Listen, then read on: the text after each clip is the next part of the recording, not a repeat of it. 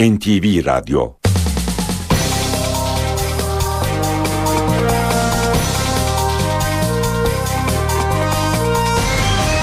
İşe Giderken Mutlu sabahlar. Ben Aynur Altunkaş. Bugün 11 Nisan Perşembe işe giderkenle karşınızdayız. Saat 9'a kadar Türkiye ve dünya gündemindeki gelişmeleri, gazete manşetlerini, yol ve hava durumlarını ve piyasa verilerini aktaracağız. Önce gündemin öne çıkan başlıklarına bakalım.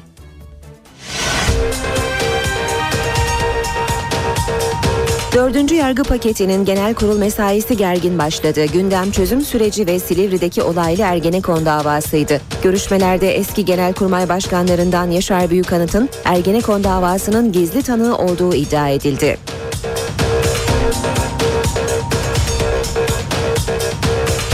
Başbakan Erdoğan PKK'nın çekilmesi sürecinde Türk Silahlı Kuvvetlerine yazılı izin verilebileceği yönünde çıkan haberlerle ilgili konuştu. Türk Silahlı Kuvvetlerine ihtiyaç duyulan noktada gereken yetki verilecek dedi.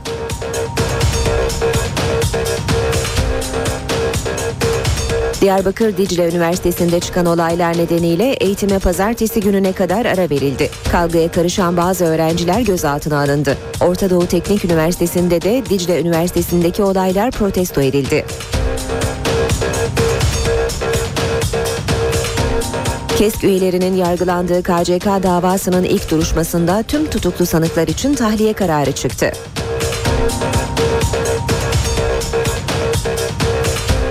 Silivri'de pazartesi günü çıkan olaylar nedeniyle ertelenen Ergenekon davasının duruşmasına bugün devam edilecek.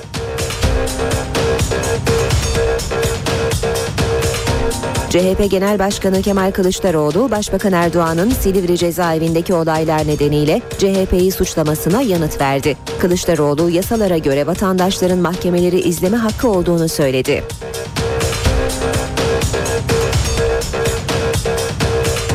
Fenerbahçe UEFA Avrupa Ligi'nde bu akşam İtalya'nın Lazio takımıyla karşılaşacak. Saat 22.05'te başlayacak maç Star TV ve NTV Radyo'dan canlı yayınlanacak. Birazdan gazetelere bakacağız ama önce İstanbul trafiğine göz atalım. E, köprülerde hafif yoğunluk başladı. Boğaziçi Köprüsü Anadolu Avrupa geçişinde yoğunluk Çamlıca'da başlıyor. Köprü ortasına kadar devam ediyor. Çıkışta da çok kısa süreli bir yoğunluk olduğunu görüyoruz. Ters yönde sadece köprüye yaklaşırken Zincirlikuyu'dan sonra bir yoğunluk var. Fatih Sultan Mehmet Köprüsü Anadolu Avrupa geçişinde yoğunluk Ataşehir'de başlıyor.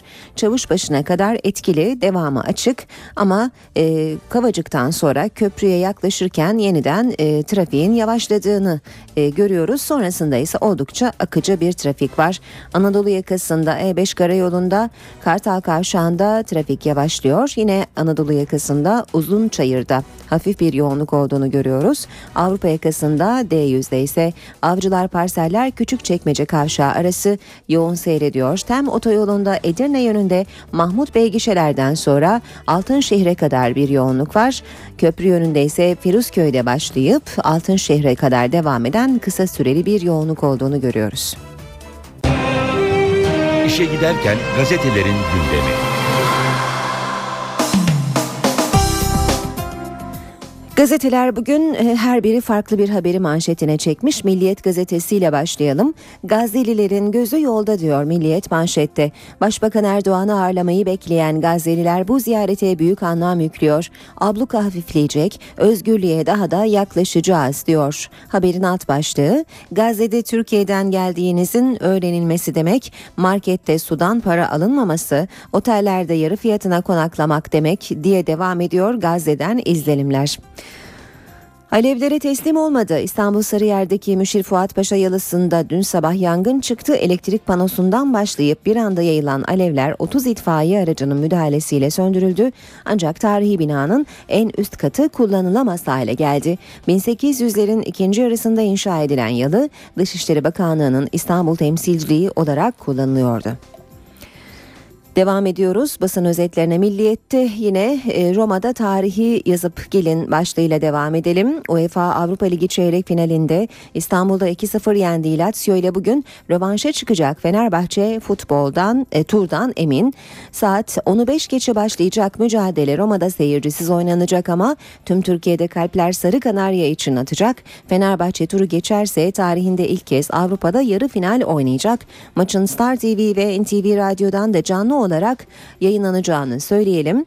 Galatasaray Real Madrid e, maçının yankıları ise hala devam ediyor.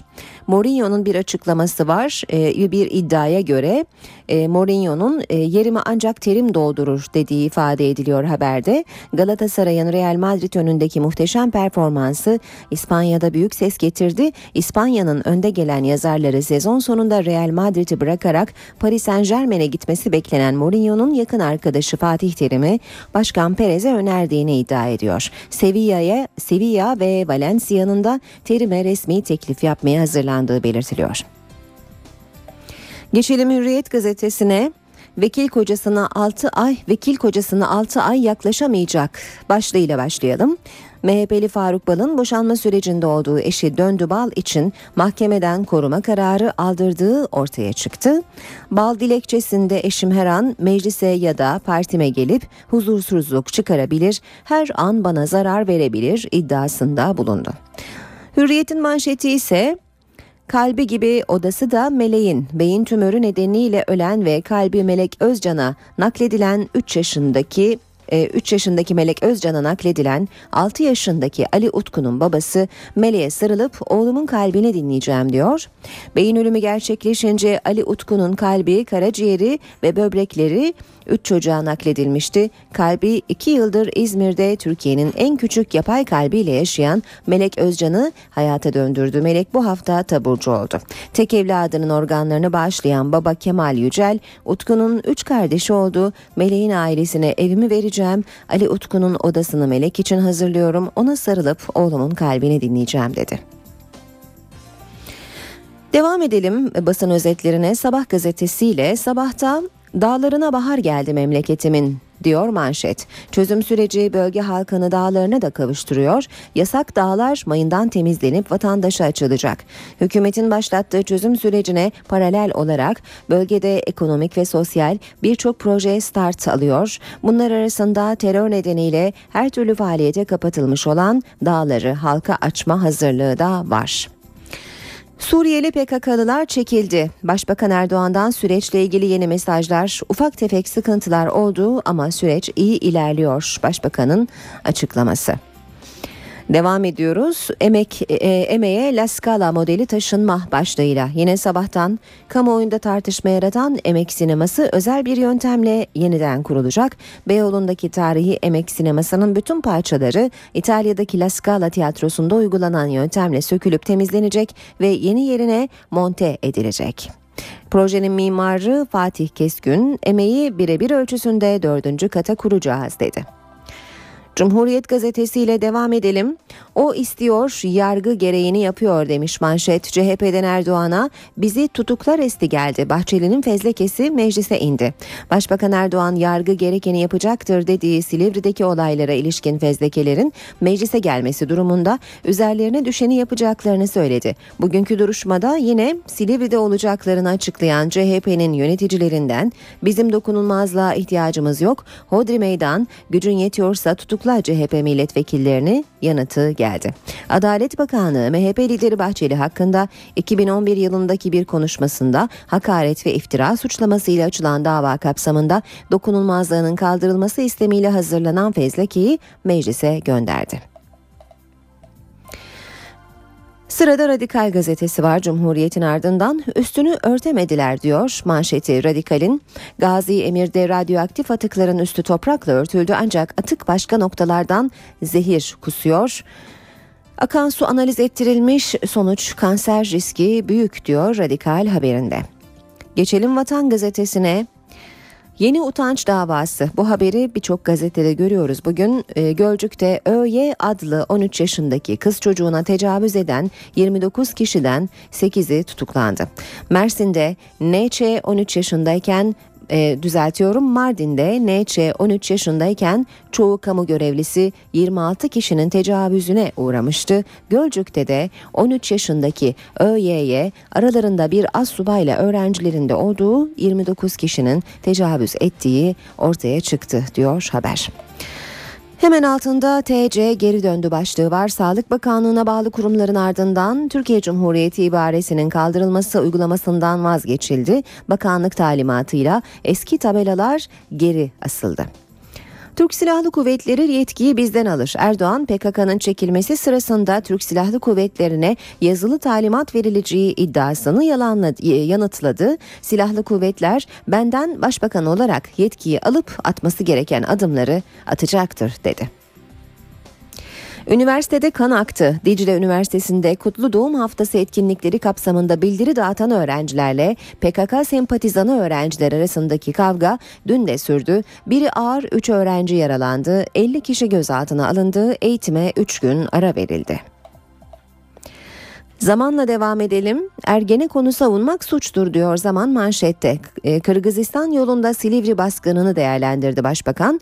Erdoğan 8 Nisan'da Ergenekon davasının görüldüğü mahkemeye yapılan baskının kabul edilemez olduğunu tekrarladı. Ergenekon'u savunmanın suç olduğunu hatırlatarak olayın peşini bırakmayacaklarını vurgulayan Erdoğan, yeni anayasa çalışmaları konusundaysa kendileri açısından sürenin bittiğini söyledi.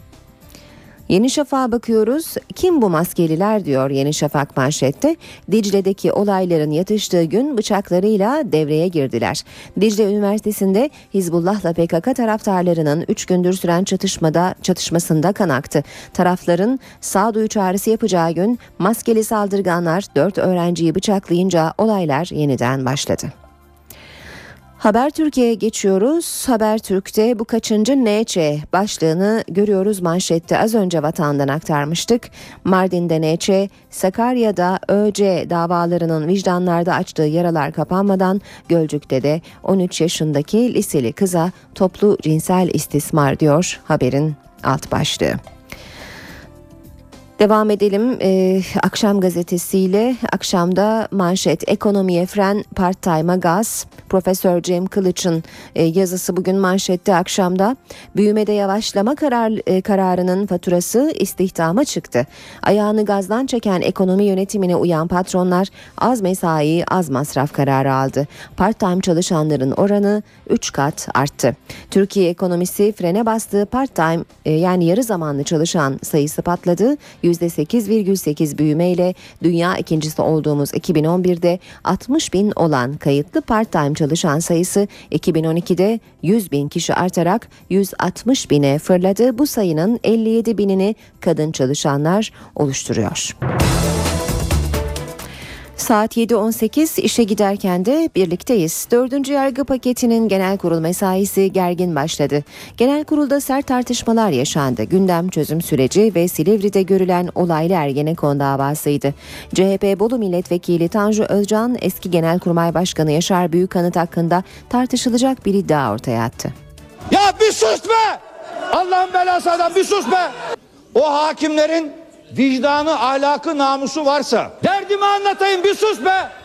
Sayın Tunç Başkanım lütfen. ben buna düzgün bir şekilde cevap vermek istiyorum. Susturacak mısınız? Dördüncü yargı paketinin genel kurul mesaisi gergin başladı. Paketin içeriğinden çok pazartesi günü Ergenekon davasının görüldüğü Silivri'de yaşananlar gündemdeydi. Türkiye Cumhuriyeti mahkemeleri şu resimdeki zorbalığa asla göz yummazlar. CHP Bolu Milletvekili Tanju Özcan ise çarpıcı iddia ortaya attı. Eski Genelkurmay Başkanlarından Yaşar Büyükanıt'ın Ergenekon davasının gizli tanığı olduğunu iddia etti. Ergenekon davasının gizli tanıklarından bir tanesinin eski Genelkurmay Başkanı Yaşar Büyükanıt olduğunu biliyor musun dedi. Ve bu gizli tanıklık pazarlığının Dolmabahçe'de yapılan o malum görüşmede bu pazarlığın yapıldığını biliyor musun dedi. Genel kurulun gündeminde terör sorununun çözümü için başlatılan süreç de vardı. Adalet Bakanı Sadullah Ergin milletvekillerine çözüm sürecini anlattı. Akan kanın, akan gözyaşının faillerinin temize çekilmesiyle ilgili bir çalışma söz konusu değildir. Yapılan çalışma bugüne kadar akan kanın bundan sonra akmaması içindir. Muhalefet temsilcileri ise 4. yargı paketinin sürece hukuki kılıf olduğunu savundu. Kandil ile mütareke, mütareke döneminde, İmralı ile mütareke döneminde bunları kılıf olarak Avrupa İnsan Hakları Mahkemesi'nin iştahıymış gibi bir kılıfın içine sokarak siz teröre taviz veriyorsunuz. eli silahlı teröriste şefkatle kucak açan bir süreç yarattınız ama bunun karşısında düşüncesini özgürce ifade etmek isteyenlere terörist muamelesi yapma hakkını ve imkanını hala elinizde tutan bir sürecin devam etmesini istiyorsunuz. Teröre çözüm arayışı süreciyle ilgili tartışılan konulardan biri de PKK'nın sınır dışına çekilmesi sırasında silahlı kuvvetlerin nasıl davranacağı. Askere sözlü emir verilmesinin ileride sorun yaratacağı görüşünde olanlar var. Bu soru Kırgızistan'da bulunan Başbakan Tayyip Erdoğan'a soruldu. Başbakan Türk Silahlı Kuvvetlerine ihtiyaç duyulan noktada gereken yetki verilecek dedi. Bu süreç şu anda gayet iyi bir şekilde işliyor. Ama bu süreçle ilgili zaman vermek şu şekilde olacak veya bu şekilde olacak böyle bir şey söylemek mümkün değil. Bu bir çözüm sürecidir. Başbakan Recep Tayyip Erdoğan resmi temaslarda bulunduğu Kırgızistan'da çözüm sürecinin iyi işlediğini söyledi. Ancak sürecin en çok tartışılan konularından biri PKK'nın sınır dışına çekilmesi sırasında askerin nasıl davranacağı. Askeri çevreler sözlü emirle hareket edilmesinin ileride sorun yaratabileceğini söylüyor. 28 Şubat soruşturmasını örnek gösteriyor. Başbakan Bişkek'te bu soruyu yanıtladı. Türk Silahlı Kuvvetleri'ne ihtiyaç duyulan noktada gereken yetki verilecek dedi. Yeni süreçte herhangi bir yetki gerektiği anda bizden yetkiyi alacaktır. Benden başbakan olarak illerde valilerden vali olarak yetkiyi alıp atması gereken adımları buna göre atacaktır. Olay budur. Kulislere yansıyan bilgiler PKK'nın en fazla önem verdiği ve kritik eylemlerde kullandığı grupların çekilmeye başladığı yönünde. Başbakan Erdoğan ise Suriyeli PKK'lıların bir bölümünün daha önce Türkiye'den çekildiğini ancak tam bir sayı veremeyeceklerini belirtti. Tabii Türkiye'den Suriyeli olan PKK'lıların bir kısmı tamamı çekildi diye bir ifademiz olmadı.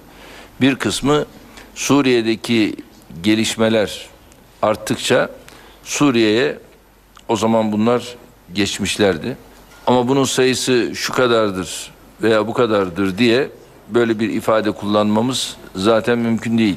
Kaldı ki bunlar Kandil'den mi geçti veya Türkiye'den mi geçti? O da gizli bir konu. Ama geçtiği biliniyor, biliyoruz. Bunu zaten o zaman istihbari bilgiler olarak da almıştık. Başbakan Tayyip Erdoğan'ın siyasi başdanışmanı AK Parti Ankara Milletvekili Yalçın Akdoğan'ın da gündeminde çekilme süreci vardı. Akdoğan bu konuda yetkinin tamamen hükümette olduğunu vurguladı. operasyon yapmayın diye bir emir vermesi, yazılı emir vermesi bu yanlış bir soru. Burada operasyon yapın emrini yetkisini veren zaten hükümet. Askerin, polisin, güvenlik güçlerimizin hakkını hukukunu hükümet operasyon yaparken de bu süreçten de her halükarda bugüne kadar korumuştur. Bundan sonra da onlara herhangi bir sıkıntı yaşatmaz. PKK'nın çekilme sürecinde askerin nasıl bir tutum izleyeceğine ilişkin merak edilenleri Başbakanın siyasi başdanışmanı AK Parti Milletvekili Yalçın Akdoğan yanıtladı. askere operasyon yapmayın diye yazılı bir talimat verecek hükümet falan gibi. E, bunlar olacak iş değil. Yani hükümet e, hukuka aykırı bir şekilde herhangi bir e, kamu kurumuna herhangi bir talimat verebilir mi? Akdoğan'a göre çekilme süreci kısa vadede gerçekleşmeli. Nihai amacı bu süreçten beklenen silahların bırakılması, örgütün bunu terk etmesi. İstihbarat örgütümüz bu görüşmeyi yapanlar elbette bir takım takvimler üzerinde çalışıyorlardır. Bu görüşmelerde belli takvimler gündeme geliyordur. Ama bu çok uzun zamana yaymadan yani kısa vadede halledilmesi gereken bir aşama. Yalçın Akdoğan çözüm sürecinin tamamen Türkiye'nin inisiyatifiyle sürdüğünü vurguladı. Bu sürece uluslararası bir ayak girmiş değil. Bu Türkiye'nin kendi inisiyatifiyle başlattığı bir süreç. Oslo'dan farkı da bu. Oslo'da farklı mekanizmalar geliştirilmişti. Bugün devam eden süreç tamamen farklı bir konsepte oturuyor ve bugün uluslararası bir aktörün, kurumu vesaire girmesi söz konusu değil. Akdoğan çözüm sürecinde muhalefeti eleştirdi. AK Parti hükümetinin halka rağmen hiçbir adım atmayacağını söyledi. Bu sorunu çözmeye çalışmak Türkiye'yi bölmez. Bu sorunu görmezden gelmeye çalışmak, bunu derinleştirecek yaklaşımlar sergilemek Türkiye için böyle bir risk gündeme getirir. Akil insanlar çalışmalara başladı. Heyetler arasından ilk toplantıyı Doğu Anadolu Bölgesi grubu yaptı. Malatya'da sivil toplum örgütü temsilcileriyle bir araya gelen heyet amaçlarını anlattı. Güneydoğu Anadolu Bölgesi grubu da bölgeye gitti. Grubun ilk adresi Diyarbakır'dı.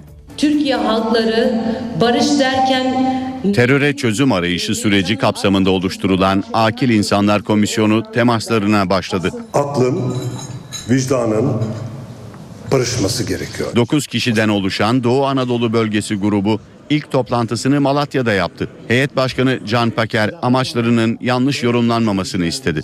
Bu grup bir ara bulucu e, taraflar arasında e, müzakereye katılan bir grup değildir. Kürt sorununun çözüm olasılığı arttığı bir dönemde ancak barış içinde çözülme olasılığının olduğunu düşünen insanların bir araya gelmesidir. Yılmaz Enseroğlu'nun başkanlığını yaptığı Güneydoğu Anadolu Bölgesi grubunun ilk adresi de Diyarbakır oldu. Bizim geldiğimiz bölge zaten çözüm için, barış için %80'lerde 90'lar düzeyinde destek veren bir bölge. Dolayısıyla bizim toplumu yani silahsız çözüm için, demokratik çözüm için, barışçıl çözüm için iknaya yönelik bir ım, takım faaliyetler düzenlememiz zannediyorum gerekmeyecek. İki gün Diyarbakır'da kalacak olan komisyon üyeleri siyasi parti ve sivil toplum örgütü temsilcileriyle görüşecek. Farklı inançlara mensup grupları dinleyecek. Heyetlerin izlenimleri sonucu oluşturulan raporlar Ankara'ya sunulacak. Bu raporların 15 günde bir hazırlanması planlanıyor. Diğer bölgeler için oluşturulan Akil İnsanlar Komisyonlarının da kısa süre içinde temaslarına başlaması bekleniyor. Türk Sanayici ve İş Adamları Derneği'nin yeni yönetim kurulu dün Ankara'da temaslarda bulundu. Cumhurbaşkanı Abdullah Gül, Başbakan Yardımcısı Beşir Atalay, CHP ve MHP liderleriyle görüşen heyetin gündeminde çözüm süreci ve yeni anayasa çalışmaları vardı. TÜSİAD Yönetim Kurulu başkente çıkarma yaptı. Çantalarında çözüm süreci ve yeni anayasa çalışmaları vardı. Muammer Yılmaz başkanlığındaki TÜSİAD heyeti ilk ziyareti CHP lideri Kemal Kılıçdaroğlu'na yaptı. çözüm sürecinin Türkiye'nin gerçekten bir kucaklaşmaya doğru götürülebileceği bir süreç olduğunu değerlendiriyoruz. Bir yeni anayasayla taşlandırılarak kalıcılığının, sürdürülebilirliğinin sağlanmasını umut ediyoruz. Görüşmede CHP liderinin AK Parti'nin başkanlık sistemi önerisini eleştirdiği öğrenildi. Heyetin ikinci durağı Çankaya Köşkü'ydü. TÜSİAD heyeti Cumhurbaşkanı Gül'e anayasadan beklentilerini anlattı.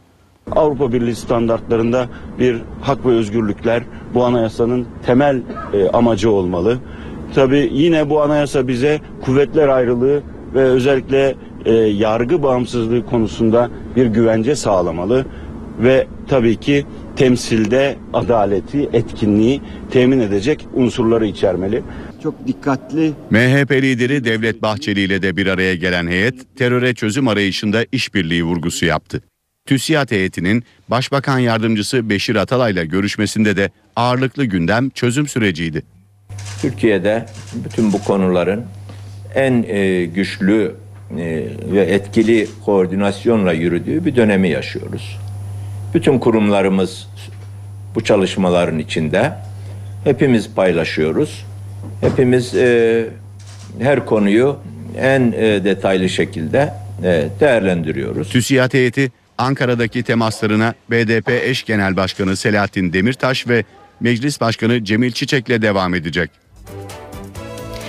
Diyarbakır Dicle Üniversitesi'nde çıkan olaylar nedeniyle eğitimi pazartesi gününe kadar ara verildi.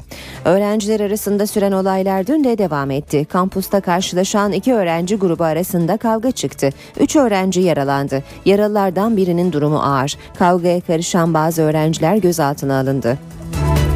ODTÜ'lü bir grupta Dicle Üniversitesi'ndeki olayları protesto etti. Polis müdahale edince gerginlik yaşandı. Çevik kuvvet ekipleri yüzleri maskeli gruba biber gazı ve tazikli suyla müdahale etti. Göstericiler kampusta ormanlık araziye kaçtı. Polisin attığı biber gazından çevredeki vatandaşlar da etkilendi. Saat 7.30 olmak üzere ben Aynur Altunkaş. NTV Radyo'da işe giderken de birlikteyiz. Birazdan üç büyük şehrimizin trafik notlarına bakacağız. Spor haberleri aktaracağız. Şimdi kısa bir aramız var. Ara vermeden önce gündemin başlıklarını hatırlatalım. Dördüncü yargı paketinin genel kurul mesaisi gergin başladı. Gündem çözüm süreci ve Silivri'deki olaylı Ergenekon davasıydı. Görüşmelerde eski genelkurmay başkanlarından Yaşar Büyükanıt'ın Ergenekon davasının gizli tanığı olduğu iddia edildi.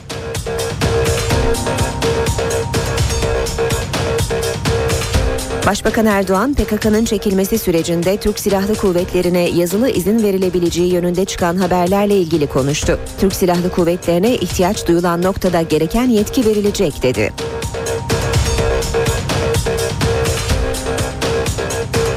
Diyarbakır Dicle Üniversitesi'nde çıkan olaylar nedeniyle eğitime pazartesi gününe kadar ara verildi. Kavgaya karışan bazı öğrenciler gözaltına alındı. Orta Doğu Teknik Üniversitesi'nde de Dicle Üniversitesi'ndeki olaylar protesto edildi. KESK üyelerinin yargılandığı KCK davasının ilk duruşmasında tüm tutuklu sanıklar için tahliye kararı çıktı.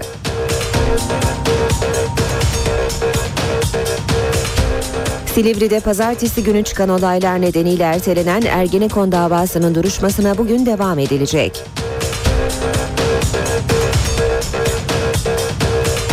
CHP Genel Başkanı Kemal Kılıçdaroğlu, Başbakan Erdoğan'ın Silivri cezaevindeki olaylar nedeniyle CHP'yi suçlamasına yanıt verdi. Kılıçdaroğlu yasalara göre vatandaşların mahkemeleri izleme hakkı olduğunu söyledi.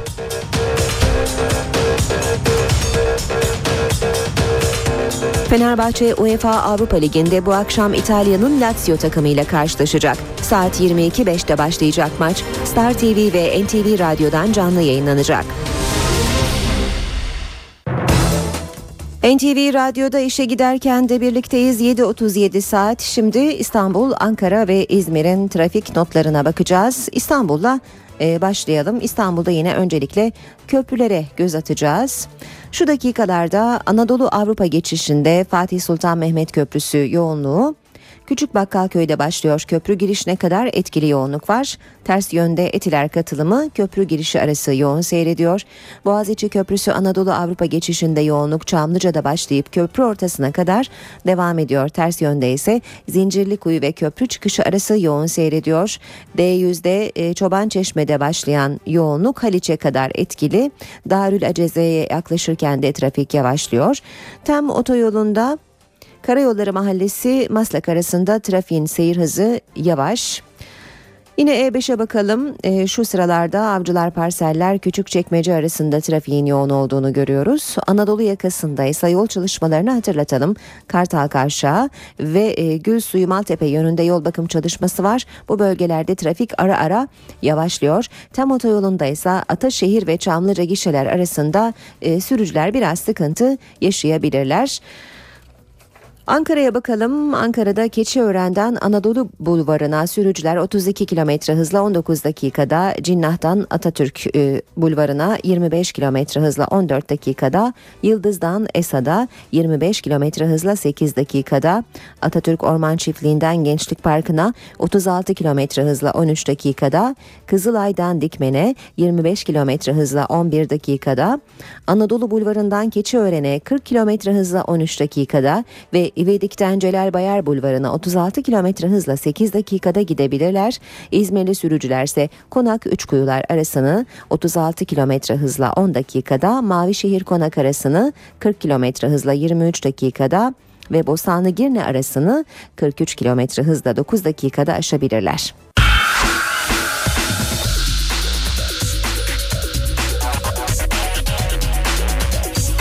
Spor sayfaları.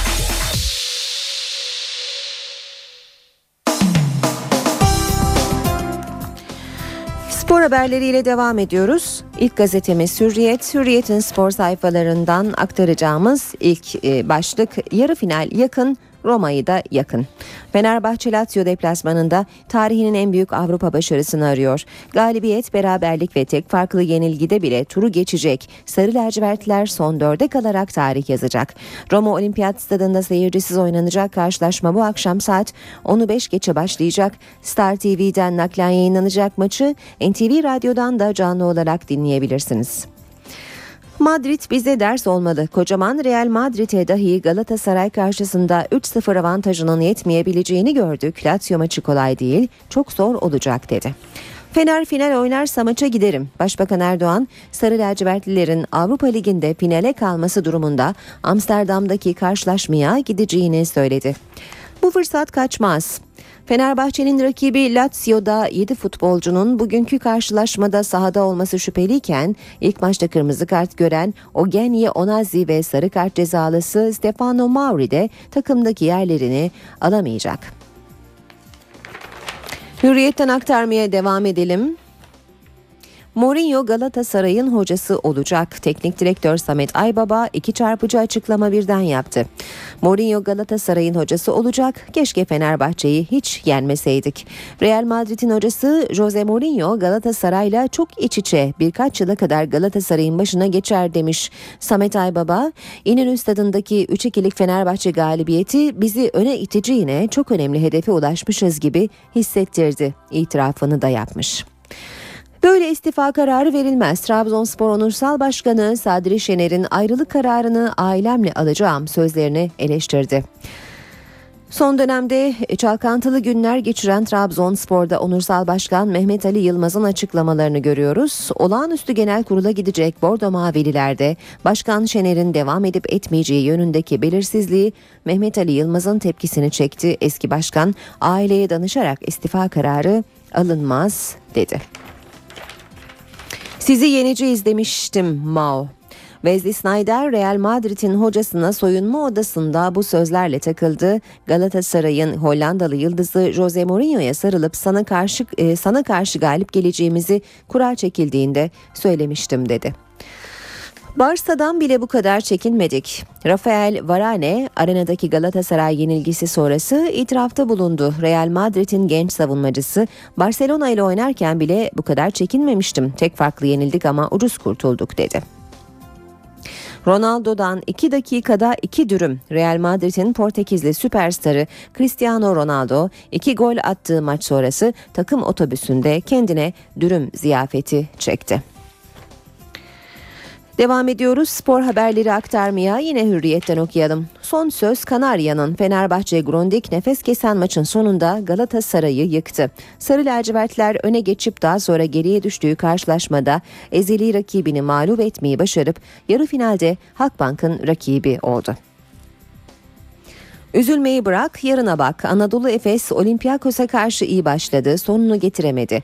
Lacivert Beyazlılar serinin birinci mücadelesini kaybedip 1-0 geriye düştü. Şimdi gözler yarın aynı salonda oynanacak ikinci karşılaşmaya çevrildi. Hürriyet'in spor sayfalarından aktardık. Milliyet gazetesiyle devam edelim. Milliyet'ten okuyacağımız ilk başlıkta Real uyarısı. Fenerbahçe Teknik Direktörü Aykut Kocaman Lazio karşısında ilk maçı istedikleri gibi bitirdiklerini söyledi. Ancak Real Madrid'e bile 3-0 yetmeyebilirdi. Galatasaray bunu gösterdi. Rövanşta işimiz kolay değil dedi. Lazio direniyor. Seyircisiz oynama cezası yüzünden stada giremeyecek olan Lazio taraftarı bugün tesislerde bir araya gelecek. Mavi beyazlılar stada kadar takıma eskortluk edecek, dışarıdan da destek verecek. Fenerbahçe'nin muhtemel 11'ine göz atalım Milliyet gazetesinden. Kalede Volkan, e, geride Yobo Egemen, devamında Gökhan Zigler, Topa, e, Mehmet Topal, Meyreleş, Kayt, Christian Caner ve ileride Vebo şeklinde sıralanıyor. Milliyet'in e, haberine göre Fenerbahçe'nin muhtemel 11'i. Büyüklere yem edildik diyor Milliyet'teki e, sıradaki başlık. İspanyol basını bile Fransız hakem Lano'yu verdiği kararlar nedeniyle ağır eleştirirken anlamlı tepki Borussia Dortmund'a offside golle elenen Malagalı Joaquin'den geldi. İspanyol Yıldız biz de Galatasaray'da UEFA tarafından sahaya figüran olarak çıkarıldık yem edildik dedi. Milliyet'ten aktardık. Sabah gazetesinin de spor sayfalarına göz atacağız. Okuyacağımız başlıklardan ilki kupayı alabiliriz. Üzerinde Fenerbahçe Lazio'yu geçerse kupayı alabiliriz yazıyor. Galatasaray Real Madrid maçı için İstanbul'a gelen Almanya Milli Takım Teknik Direktörü Joachim Löw açıklamalar yapmış. Fenerbahçe'de biraz daha zamanım olmasını çok isterdim. İyi bir takımdık, iyi yoldaydık, zamana ihtiyacımız vardı ama Türkler ailelerine ve vatanlarına çok bağlı gibi başlıkları görüyoruz bu röportajdan. Alman teknik adam Sarı Lacivertlilerin bugün Lazio'yu elemesi halinde UEFA Avrupa Ligi'nde zirveye çıkabileceğini söyledi. Sabahtan okumaya devam edelim. Ceza ağır olmaz. Ünal Aysal Real Madrid maçı sonrası konuşmuş. Takımı Real Madrid maçında gururla izledim. Sah- e, seneye çıta daha da yükselecek. Profesyonel Futbol Disiplin Kurulu'nun Fatih Terim'e fazla ceza vereceğini düşünmüyorum. Ağır tahrik vardı demiş Ünal Aysal. Londra yolcusu Drogba, Haziran'da Chelsea'ye dönecek olan Mourinho'nun yardımcısı bir yıl sonra Didier Drogba olacak diyor sabah haberinde. Aslında üç ayaklı bir haber bu. Ee, bir de daha yukarıda İtalya'ya her yıl tatile gidiyorum başlığını görüyoruz. Terim buraya dönecek misiniz diye soran İtalyan gazeteciye bu esprili yanıtı vermiş. Real bile zorlandıysa Kocaman Galatasaray Real Madrid maçını örnek gösterip çok zor olacak dedi. Aykut Kocaman'ın bu açıklamasını bugün spor e, sayfaları başlıklarında kullanmışlar. Maçı hatırlatarak bitirelim bu bölümü. Fenerbahçe UEFA Avrupa Ligi'nde çeyrek final rövanşında bugün Lazio ile deplasmanda karşılaşacak. Saat 10'u 5 geçe başlayacak maçı Star TV ve NTV Radyo'dan canlı olarak takip edebilirsiniz. İşe giderken. İşe giderken de gündeme yakından bakmaya devam edelim. Kamuoyunda uzun süredir yaşadıkları sıkıntılarla gündeme gelen muvazzaf ve emekli assubaylar için Türk Silahlı Kuvvetleri harekete geçti. Assubayların sıkıntılarını dinleyecek özel birimler oluşturuldu. Assubaylar ve karargah arasındaki iletişim kanalını güçlendirmeyi hedefleyen projeyi görevli assubaylar anlattı. Üçüncü Piyade Eğitim Takımı Tekmil! Türk Silahlı Kuvvetleri uzun süredir sıkıntılarını eylemlerle gündeme getiren assubayları dinlemek için özel bir birim oluşturdu. Amaç assubaylarla karargah arasındaki iletişim kanalını güçlendirmek. Bir subay, yedi asubay. Yeni oluşturulan Genelkurmay Assubaylığı ve Kuvvet Assubaylığı biriminde görevli iki assubay uygulamayı NTV yakın planda anlattı. Türkiye'nin dört bir tarafını dolaşıyoruz. Aynı zamanda e, gerek e, iletişim yani e, elektronik e, postayla gerek telefonlarla e, personelle doğrudan irtibata geçiyoruz. Sorunları tespit ediyoruz. Tartıştıktan sonra da komuta katına e, arz ediyoruz. Emekli olunduğunda e, maaşlarda e, düşen bu düşüş oranının e, bunca yıl TSK'ya hizmet ettikten sonra bu kadar paranın hak edilmediği e, yönünde çok e, görüş ve öneri geliyor. İlk planda öne çıkan sorun personelin ve emeklilerin maaşı. Sayın e, Genelkurmay Başkanı'nın yaklaşımı nedir bu emekli maaşlarına yaklaşımı? Gerek emeklilerin gerek görevdeki e, özellikle kıdemli başçavuş rütbesindeki personelin maaşının iyileştirilmesi için e, karargaha sonuna kadar e, gidilmesini, ilgilenilmesini, bu konunun çözülmesi konusunda e, çalışma yapılmasını e, emretmiştir. Özel birim üzerinde çalışmak üzere 60'a yakın konu belirledi. E, Assubay Akademisi kurulması, e, bir assubayların e, rütbe isimlerinin değiştirilmesi, assubayların rütbelerinin şekil olarak değiştirilmesi. Yani bu mesela sistem üzerinde yani sistem içerisinde çözülebilecek konular. 14 bin Türk Hava Yolları çalışanının bağlı bulunduğu Hava İş Sendikası greve gidiyor. Grev kararı Türk Hava Yolları binasına asıldı. Sendikanın grevden vazgeçmek için şartları var. Hava İş Sendikası Türk Hava Yolları'nda grev için ilk adımı attı.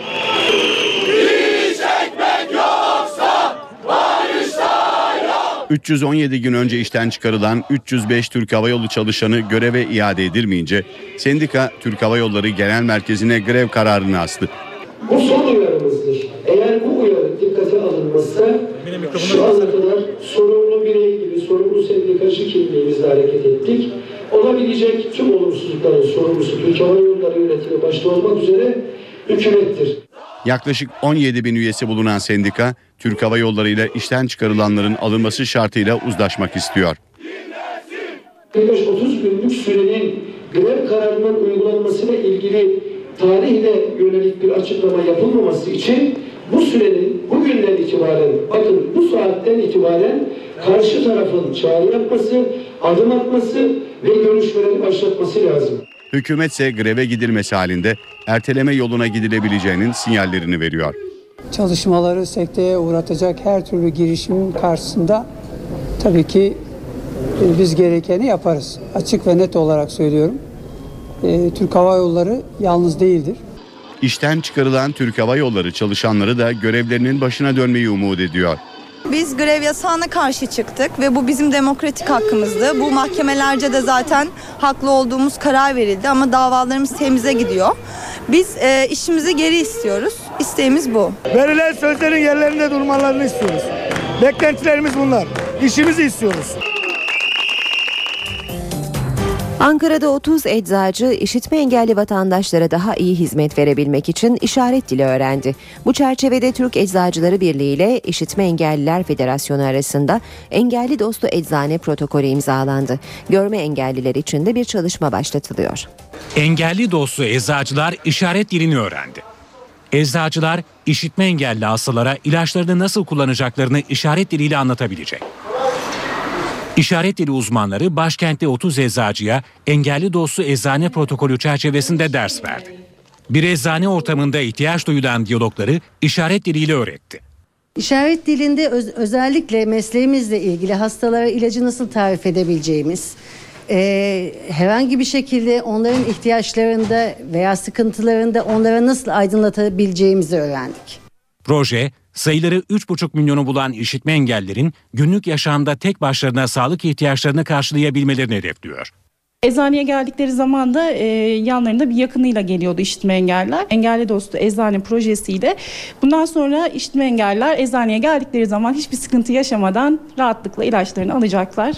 Projenin mimarı Türk Eczacılar Birliği, görme engelliler için de bir çalışma başlattı. bir e, piktogram çalışması yapıyoruz e, e, şeyde e, kutuların üzerine hem de bunların kutuların e, e, ilaçları eline aldığında ya da kutuları eline aldığında işte e, onların e, zamanını söyleyecek e, bir e, sistem geliştirmeye çalışıyoruz.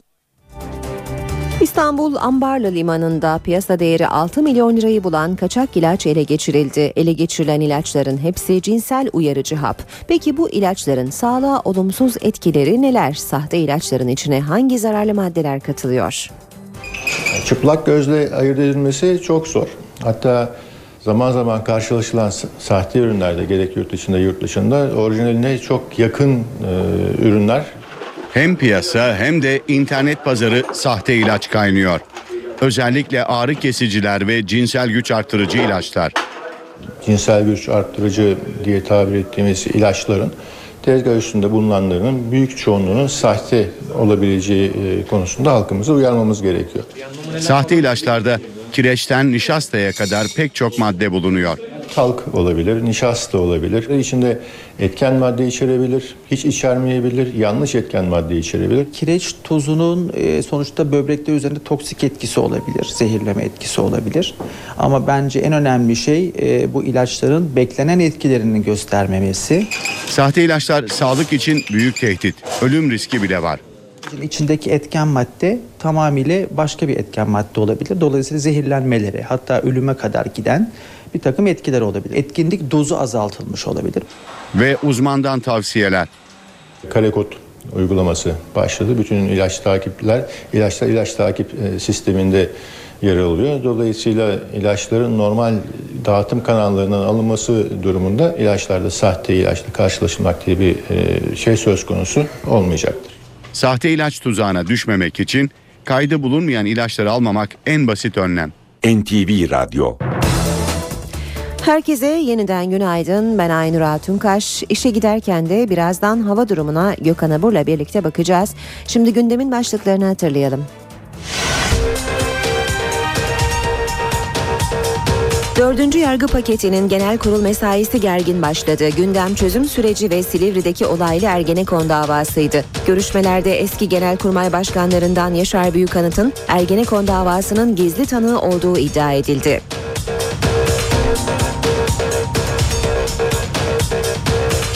Başbakan Erdoğan PKK'nın çekilmesi sürecinde Türk Silahlı Kuvvetlerine yazılı izin verilebileceği yönünde çıkan haberlerle ilgili konuştu. Türk Silahlı Kuvvetlerine ihtiyaç duyulan noktada gereken yetki verilecek dedi.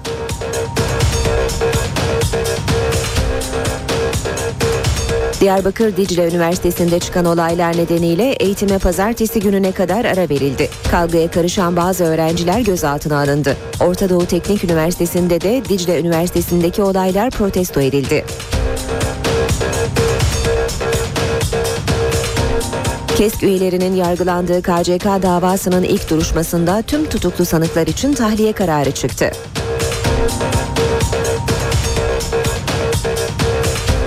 Silivri'de pazartesi günü çıkan olaylar nedeniyle ertelenen Ergenekon davasının duruşmasına bugün devam edilecek.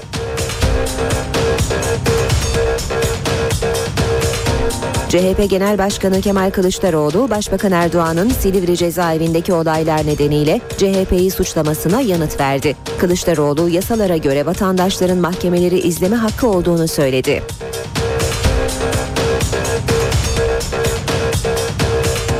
Fenerbahçe UEFA Avrupa Ligi'nde bu akşam İtalya'nın Lazio takımıyla karşılaşacak. Saat 22.05'te başlayacak maç Star TV ve NTV Radyo'dan canlı yayınlanacak. Yurdun e, birçok bölgesinde hava şartları değişik. Kimi yerlerde yağmur var, kimi yerler ısınıyor. Hakikaten bahar e, aylarına özgü hava koşulları mı bunlar diye soralım önce Gökhan Abura.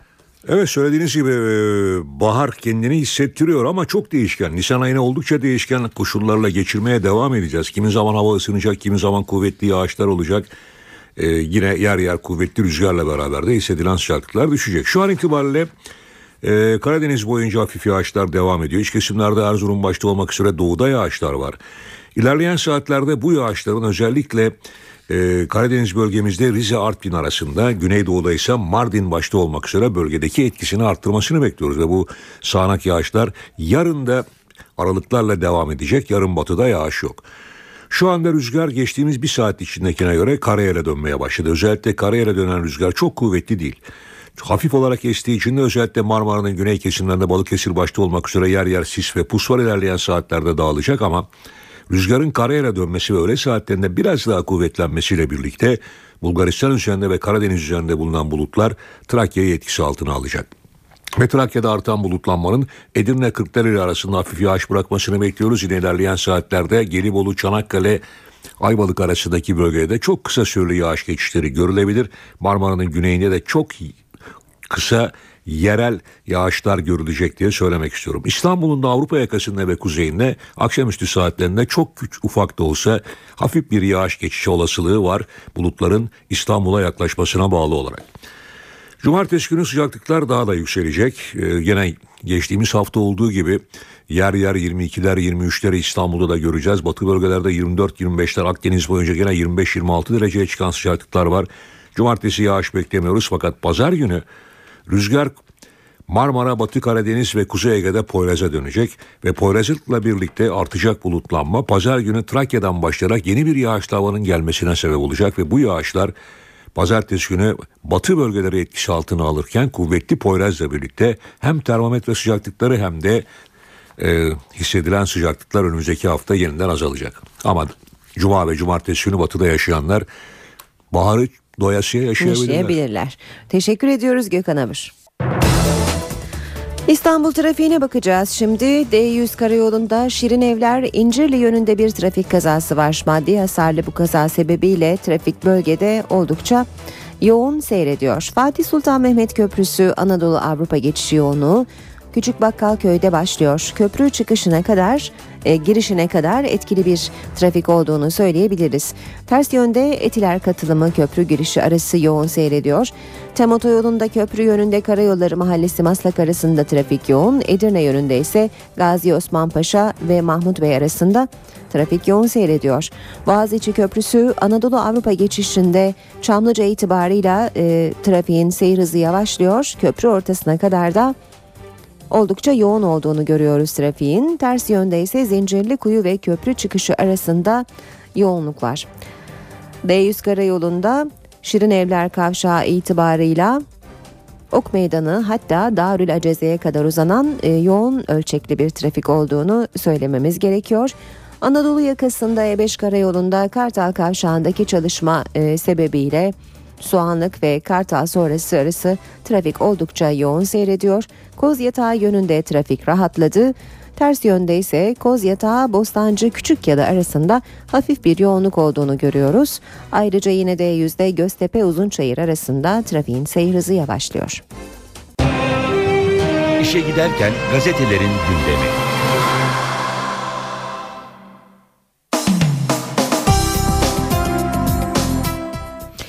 Gazeteler bugün farklı haberleri manşetlerine taşımışlar ama yine ortak başlıkları görüyoruz. Hürriyet gazetesiyle başlayalım.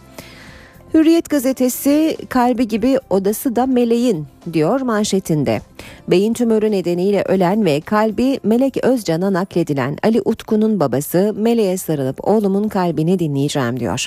Beyin ölümü gerçekleşince 6 yaşındaki Ali Utku'nun kalbi, karaciğeri ve böbrekleri 3 çocuğa nakledilmişti. Kalbi 2 yıldır İzmir'de Türkiye'nin en küçük yapay kalbiyle yaşayan 3 yaşındaki Melek Özcan'ı hayata döndürdü. Melek bu hafta taburcu oldu. Tek evladının organlarını bağışlayan baba Kemal Yücel, Utku'nun 3 kardeşi oldu. Meleğin ailesinin ailesine evimi vereceğim.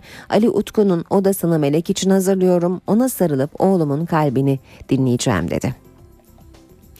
Türk Silahlı Kuvvetleri gerektiğinde bizden yetki alır. Başbakan Erdoğan PKK'nın çekilme sürecinde Türk Silahlı Kuvvetleri'ne yazılı izin verilebileceğini açıkladı. Deniyor haberde. Yine Hürriyet gazetesinden aktaralım. Vekil kocasına 6 ay yaklaş, yaklaşamayacak. MHP'li Faruk Bal'ın boşanma sürecinde olduğu eşi Döndü Bal için mahkemeden koruma kararı aldırdığı ortaya çıktı. Milliyet gazetesiyle devam edelim. Milliyet'te Gazze'lilerin gözü yolda diyor manşet. Başbakan Erdoğan'ı ağırlamayı bekleyen Gazze'liler bu ziyarete büyük anlam yüklüyor. Abluka hafifleyecek, özgürlüğe daha da yaklaşacağız. Başbakan Erdoğan'ın Türk Silahlı Kuvvetleri yetkiyi bizden alır sözünü Milliyet'in de başlıkları arasında görüyoruz. Bakanlıkta TC istifası diyor Milliyet bir diğer başlıkta Sağlık Bakanlığı'nın Taşra Teşkilatı tabelalarından Türkiye Cumhuriyeti ibaresinin kaldırılmasına yönelik yazısının ardından Türkiye Halk Sağlığı Kurumu Başkanı Doktor Mustafa Aksoy görevinden ayrıldı. Aksoy doktorluğa dönmek istediğini Bakan Müezzinoğlu'na söylediğini ve kabul edildiğini belirterek ama Sayın Bakan bununla ilişkilendirmek isterse kendi tasarrufudur dedi. Roma'da tarihi yazıp gelin diyor Milliyet. UEFA Avrupa Ligi çeyrek finalinde İstanbul'da 2-0 yendiği Lazio ile bugün rövanşa çıkacak Fenerbahçe turdan emin. Akşam onu 5 geçe başlayacak mücadele Roma'da seyircisiz oynanacak ama tüm Türkiye'de kalpler Sarı Kanarya için atacak. Fenerbahçe turu geçerse tarihinde ilk kez Avrupa'da yarı final oynayacak. Karşılaşmanın Star TV ve NTV Radyo'dan canlı olarak yayınlanacağını bir kez daha hatırlatalım. Geçiyoruz Sabah gazetesine dağlarına bahar geldi memleketimin diyor Sabah. Çözüm süreci bölge halkını dağlarına da kavuşturuyor. Yasak dağlar mayından temizlenip vatandaşa açılacak. Hükümetin başlattığı çözüm sürecine paralel olarak bölgede ekonomik ve sosyal birçok projeye start veriliyor. Bunlar arasında terör nedeniyle her türlü faaliyete kapatılmış olan dağları halka açma hazırlığı da var. Vatan gazetesiyle devam edelim. TC geri döndü demiş vatanda manşette Sağlık Bakanlığı'na bağlı kurumların ardından adından Türkiye Cumhuriyeti ibaresinin kaldırılması uygulamasından vazgeçildi. Bakanlık talimatıyla eski tabelalar geri asıldı. Üniversitede kan aktı. Dicle Üniversitesi'nde Kutlu Doğum Haftası etkinlikleri kapsamında bildiri dağıtan öğrencilerle PKK sempatizanı öğrenciler arasındaki kavga dün de sürdü. Biri ağır 3 öğrenci yaralandı, 50 kişi gözaltına alındı, eğitime 3 gün ara verildi. Haberi Yeni Şafak gazetesi de vermiş manşette kim bu maskeliler diye soruyor. Dicle'deki olayların yatıştığı gün bıçaklarıyla devreye girdiler. Dicle Üniversitesi'nde Hizbullah'la PKK taraftarlarının 3 gündür süren çatışmasında kan aktı. Tarafların sağduyu çağrısı yapacağı gün maskeli saldırganlar 4 öğrenciyi bıçaklayınca olaylar yeniden başladı. Geçelim Zaman Gazetesi'ne Ergenekonu savunmak suçtur diyor Başbakan Erdoğan'ın sözü. Zamanda manşette Kırgızistan yolunda Silivri baskınını değerlendirdi. Başbakan Erdoğan 8 Nisan'da Ergenekon davasının görüldüğü mahkemeye yapılan baskının kabul edilemez olduğunu tekrarladı. Ergenekon'u savunmanın suç olduğunu hatırlatarak olayın peşini bırakmayacaklarını vurgulayan Erdoğan, yeni anayasa çalışmaları konusunda ise kendileri açısından sürenin bittiğini söyledi. Cumhuriyette haber, e, manşet o istiyor yargı gereğini yapıyor. CHP'den Erdoğan'a bizi tutuklar esti geldi. Bahçeli'nin fezlekesi meclise indi. Başbakan Erdoğan yargı gereğini yapacaktır dediği Silivri'deki olaylara ilişkin fezlekelerin meclise gelmesi durumunda üzerlerine düşeni yapacaklarını söyledi.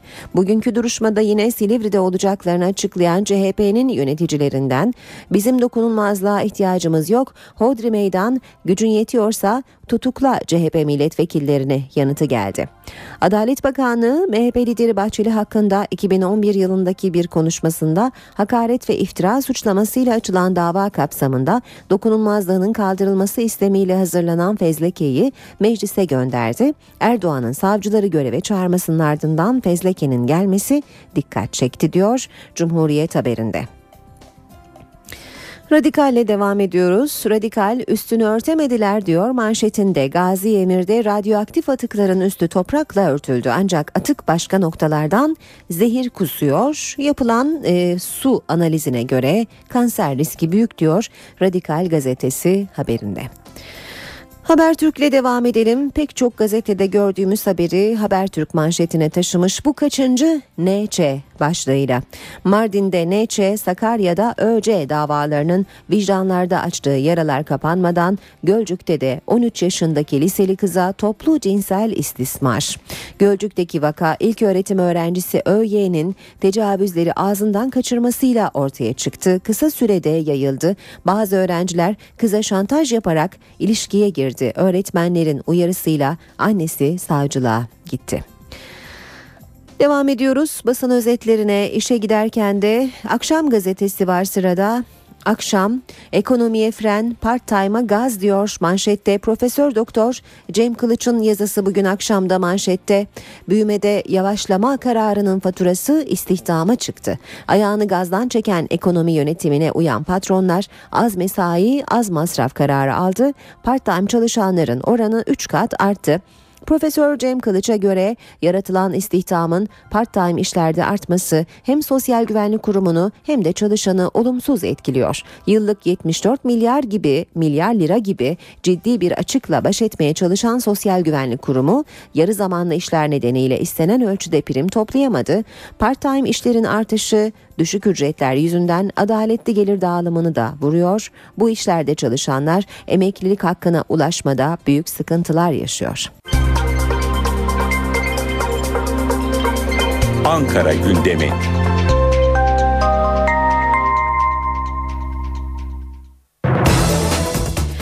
Bu kısa aranın ardından başkent gündemiyle geri döndük. Karşımızda NTV muhabiri Ercan Gürses var. Ercan günaydın.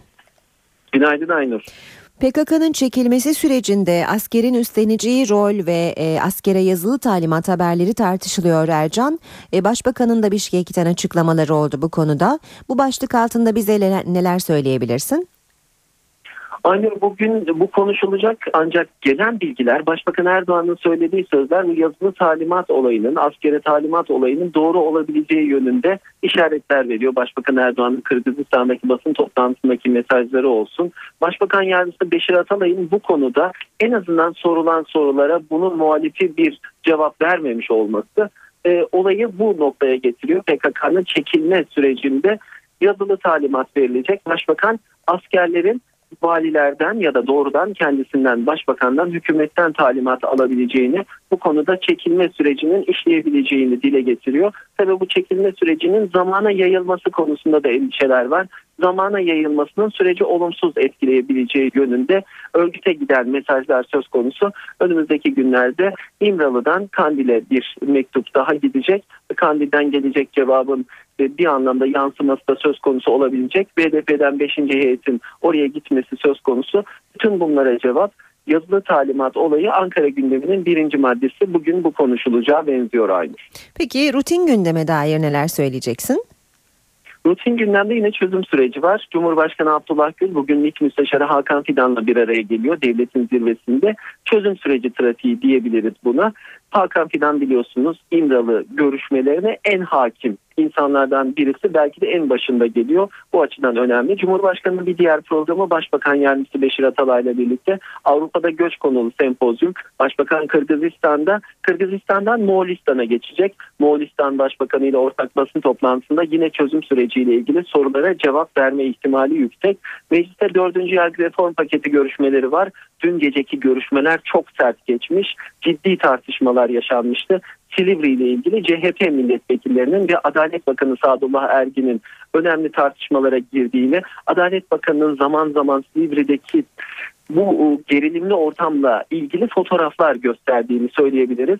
CHP Bolu Milletvekili Tanju Özcan'ın ilginç bir iddiası vardı. O da Yaşar Büyükkanıt'ın eski Genelkurmay Başkanı'nın gizli itirafçı olduğu, e, bir anlamda gizli tanık olduğu, daha doğru ifadeyle gizli tanık hı hı. olduğu davalarda Ergenekon davasında iddiasını gündeme getirdi. Bugün görüşmelere devam edilecek bu dördüncü yargı reform paketindeki ve ilk 10 maddenin ardından bitirilmesi söz konusu olacak. Kamuoyunda böcek komisyonu olarak bilinen yasa dışı dinlemeleri araştırmak komisyonu bugün gazeteci Sedat Ergin'i dinleyecek. AK Parti Genel Merkezi'nde AK Parti Sözcüsü Hüseyin Çelik basın toplantısı yapacak.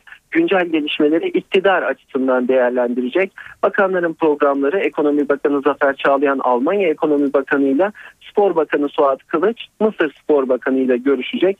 Mecliste basın toplantıları var. CHP'den Aytuğ Atıcı, Oktay Ekşi, Mehmet Hilal Kaplan, MHP'den de Grup Başkan Vekili Oktay Vural basın toplantısı yapacak Aynur. Ercan Gürses teşekkür ediyoruz. Yoğun gündemde kolay gelsin.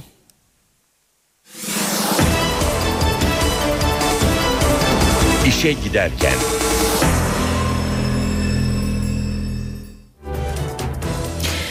Gündemin ayrıntılarıyla devam edelim. Silivri'de pazartesi günü çıkan olaylar nedeniyle ertelenen Ergenekon davasının duruşmasına bugün devam edilecek. Pazartesi günü sanıklara destek için duruşmanın yapıldığı Silivri cezaevi yerleşkesine giden binlerce kişi adliye önündeki bariyerleri aşmak isteyince polis ve jandarma müdahalesi başlamıştı. Salonda da gerginlik çıkınca duruşma bugün ertelenmişti. Hükümet olayları kalabalık içindeki yaklaşık 40 CHP'li vekilin başlattığı iddiasında. Başbakan yardımcısı Bülent Arınç, CHP'li Muharrem İnce'nin İnce'nin bir elebaşı gibi hareket ettiğini belirtmişti.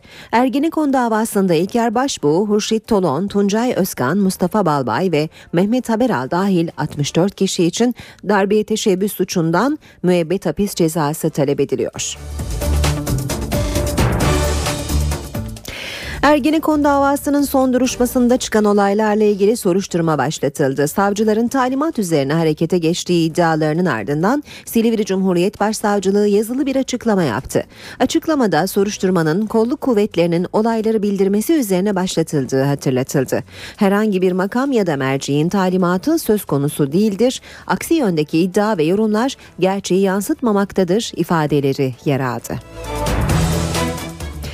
KESK üyelerinin yargılandığı KCK davasında tüm tutuklu sanıklar için tahliye kararı çıktı. Çok sayıda milletvekilinin takip ettiği davada hükümetin Akil İnsanlar Komisyonu'nda yer alan KESK Genel Başkanı Lami Özgen silahlı terör örgütü üyeliğiyle suçlanıyor. KCK'ya yönelik operasyonlarda gözaltına alınarak tutuklanan 22 kişi için ilk duruşmada tahliye kararı çıktı. Davanın sanıkları arasında KES Genel Başkanı ve aynı zamanda Akil İnsanlar Komisyonu'nda da yer alan Lami Özgen de vardı. Bir yandan terörist, bir yandan akil insan bu benim şahsımda bu ülkenin trajedisi. Davada ilk savunmasını yapan Özgen, Kürt sorununa duyarlıyım dedi ve terör örgütüyle bir bağlantısı olmadığını söyledi. Ankara 13. Ağır Ceza Mahkemesi'nde görülen davaya BDP ve CHP'li milletvekilleriyle çok sayıda uluslararası sendika temsilcisi katıldı. Mahkemede sanık avukatları 1140 sayfalık dava iddianamesini Amerika'da görülen El-Kaide davasından verdikleri bir örnekle eleştirdiler. Duruşmada bazı sanıklar çevirmenler aracılığıyla savunmalarını Kürtçe yaptılar. Savunmaların ardından kararını açıklayan Ankara 13. Ağır Ceza Mahkemesi mevcut delil durumunu göz önünde bulundurarak tutuklu 22 sanığın da tahliyesine karar verdi. Bu kararla KCK'nın memur yapılanmasına ilişkin davada tutuklu sanık kalmadı. Cumhuriyet Halk Partisi Genel Başkanı Kemal Kılıçdaroğlu, Başbakan Erdoğan'ın Silivri cezaevindeki olaylar nedeniyle CHP'yi suçlamasına yanıt verdi. Kılıçdaroğlu yasalara göre vatandaşların mahkemeleri izleme hakkı olduğunu söyledi. Başbakan önce hukuk öğrensin, hukuk bilmeyen kişiye başbakan denemez diye konuştu. Yasal bir engel var mı? Engel yok. Cumhuriyet Halk Partililer gidince Sayın Başbakan niye kızıyor? Önce yasaları bilsin. Hukuk devleti nedir onu öğrensin. CHP lideri Kemal Kılıçdaroğlu bu açıklamayı İstanbul'da katıldığı bir belgeselin galasında yaptı. Kılıçdaroğlu daha sonra salona geçerek Munzur El Veriyor belgeselini izledi. Tanıyan ağaçları bilir misin? Tanıyan ağaçlar, güzel ağaçlar benim köyümde çok. Bu coğrafya dünyanın en güzel coğrafyasından birisi. Çünkü dağları özgür, nehirleri özgür, insanları özgür. Özgürlüğün ne anlama geldiğini herhalde Muzur belgesini, belgeselini izleyenler daha iyi görüyorlar. Kılıçdaroğlu'nun çıkıştaki açıklamasının konusuysa emek sinemasının durumuydu.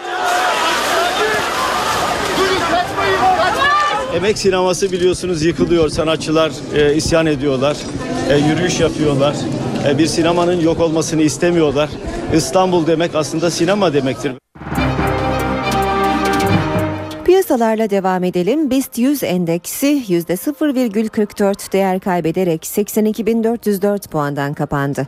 Bu sabah dolar 1.79, euro 2.34'ten işlem görüyor. Euro dolar 1.31, dolar yen 100 düzeyinde. Altının onsu 1560 dolar, kapalı çarşıda külçe altının gramı 90 lira. Cumhuriyet altını 605, çeyrek altın 150 liradan işlem görüyor. Brent petrolün varil fiyatı 106 dolar. Dördüncü yargı paketinin genel kurul mesaisi gergin başladı. Gündem çözüm süreci ve Silivri'deki olaylı Ergenekon davasıydı. Görüşmelerde eski genelkurmay başkanlarından Yaşar Büyükanıt'ın Ergenekon davasının gizli tanığı olduğu iddia edildi.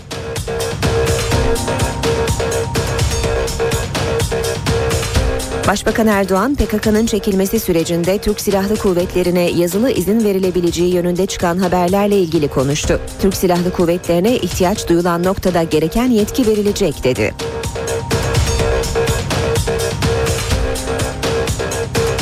Diyarbakır Dicle Üniversitesi'nde çıkan olaylar nedeniyle eğitime pazartesi gününe kadar ara verildi. Kavgaya karışan bazı öğrenciler gözaltına alındı. Orta Doğu Teknik Üniversitesi'nde de Dicle Üniversitesi'ndeki olaylar protesto edildi.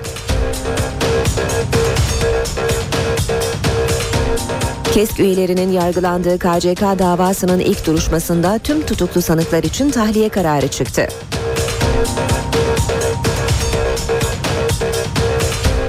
Silivri'de pazartesi günü çıkan olaylar nedeniyle ertelenen Ergenekon davasının duruşmasına bugün devam edilecek.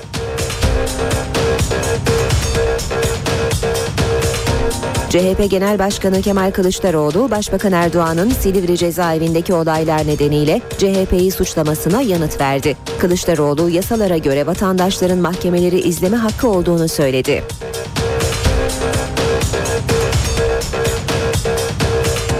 Fenerbahçe UEFA Avrupa Ligi'nde bu akşam İtalya'nın Lazio takımıyla karşılaşacak. Saat 22.05'te başlayacak maç Star TV ve NTV Radyo'dan canlı yayınlanacak.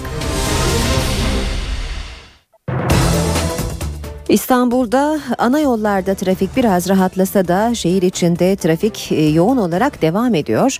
Köprülerle başlayalım. Fatih Sultan Mehmet Köprüsü Anadolu Avrupa yönünde Küçük Bakkalköy'de başlayan yoğunluk e, aralıklarla Köprü girişine kadar devam ediyor ama olağanüstü bir yoğunluk olduğunu söyleyemeyiz. Sadece e, Küçük Bakkalköy Çakmak Köprüsü arasında trafik çok yavaş ilerliyor. Devamında yoğun ama akıcı bir trafik var. Ters yönde ise Etiler katılımı itibarıyla köprü girişine kadar hafif bir yoğunluk olduğunu görüyoruz. Boğaziçi Köprüsü Anadolu Avrupa yönünde Acıbadem Köprüsü itibarıyla yoğun köprü ortasına kadar çıkışta da kısa bir süre Çağlayan'a kadar yoğun olduğunu görüyoruz trafiğin. Ters yönde Zincirlikuyu Köprü çıkışı arası trafik yoğun seyrediyor. D100 karayolunda Çoban Çeşme'den itibaren Darül Acezi'ye kadar yoğun bir trafik var. Ara ara seyir hızı artıyor ama e, Topkapı Otakçılar arasında trafiğin hızı çok yavaş bunu e, belirtelim. Tem otoyolunda biraz rahatladı trafik sadece e, Kemerburgaz ayrımı Maslak arasında etkili bir yoğunluk olduğunu söyleyebiliriz. Biraz da şehir merkezlerine e, bakalım. E, şu anda Hastal kavşağından Ok Meydanı bağlantı yolunda çok e, ağır ilerleyen bir trafik olduğunu görüyoruz. Yine Maslak kavşağından itibaren e, Büyükdere Caddesi Gültepe arasına gidişte de bir e, sıkıntı var. Sürücüler buralarda zorlanabilirler. Ayrıca O3'te Hal Anıt Mezar arası yoğun seyrediyor.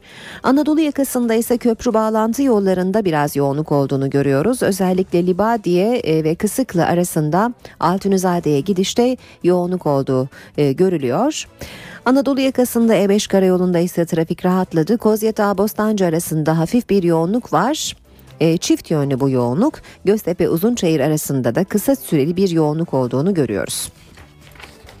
Ankara'ya bakalım. Keçiören e, Bulvarı arası 29 dakikada, İvedik Celal Bayar arası 12 dakikada, Gençlik Parkı Atatürk Orman Çiftliği arası 13 dakikada, Dikmen Kızılay arası 14 dakikada, Cinnah Ulus arası 19 dakikada ve Plevne İvedik arası 24 dakikada aşılabilir. İzmir'de ise sürücüler Bornova Alsancak arasını 11 dakikada, Üçkuyular Aslancak arasını 22 dakikada, Konak Üçkuyular arasını 10 dakikada, Üçkuyular Konak arasını 8 dakikada ve Mavişehir Konak arasını 34 dakikada aşabilirler.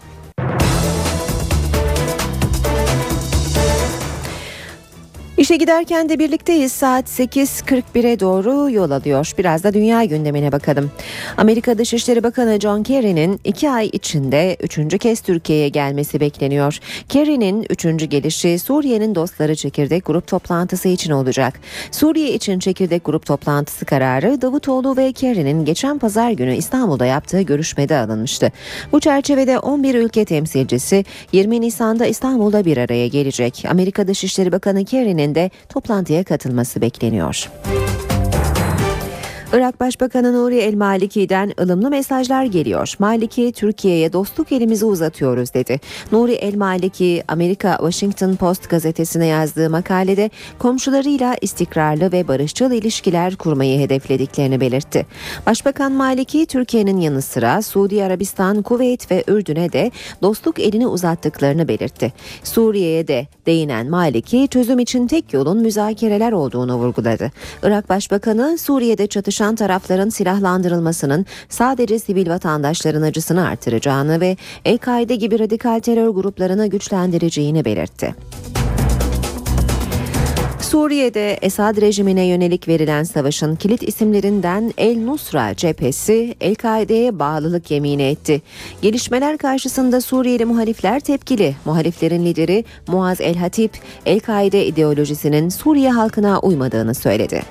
Suriye'de Beşar Esad yönetimine karşı savaşan El Nusra cephesi, El-Kaide lideri Eyman El-Zevari'ye bağlılığını açıkladı. El Nusra cephesi lideri Ebu Muhammed El Cevani'nin açıklaması, Irak'taki El-Kaide'nin Nusra cephesiyle birleştiğini duyurmasından bir gün sonra geldi. El Cevani, birleşme konusunda El Nusra cephesine danışılmadığını, grubun haberi medya aracılığıyla öğrendiğini de belirtti. Suriyeli muhalifler gelişmelere tepkili. Muhaliflerin lideri Muazel Hatip, El-Kaide ideolojisinin Suriye halkına uymadığını söyledi.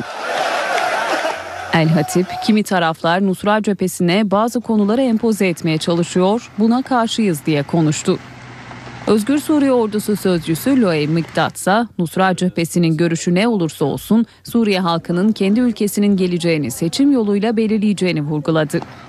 Amerika Birleşik Devletleri'nin terör örgütleri listesinde yer alan El Nusra cephesi, Beşar Esad'a karşı silahlı muhalefetin en etkili gruplarından biri.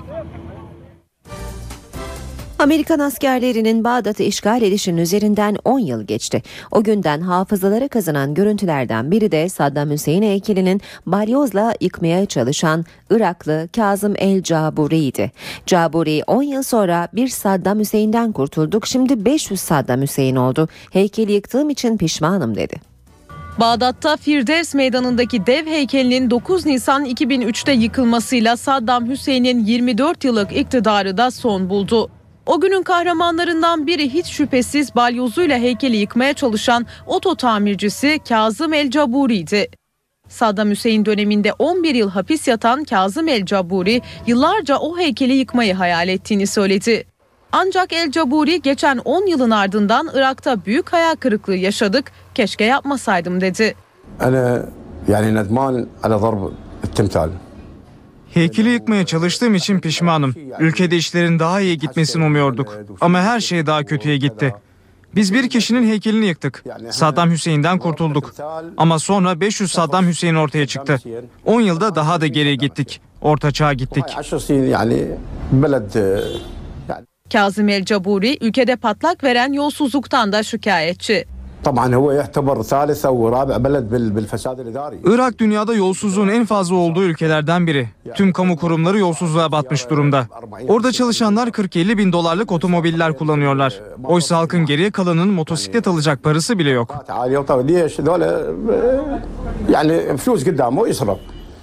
Bugün 52 yaşında olan Kazım El Caburi hala Bağdat'ta oto tamirciliği yaparak hayatını kazanmaya çalışıyor.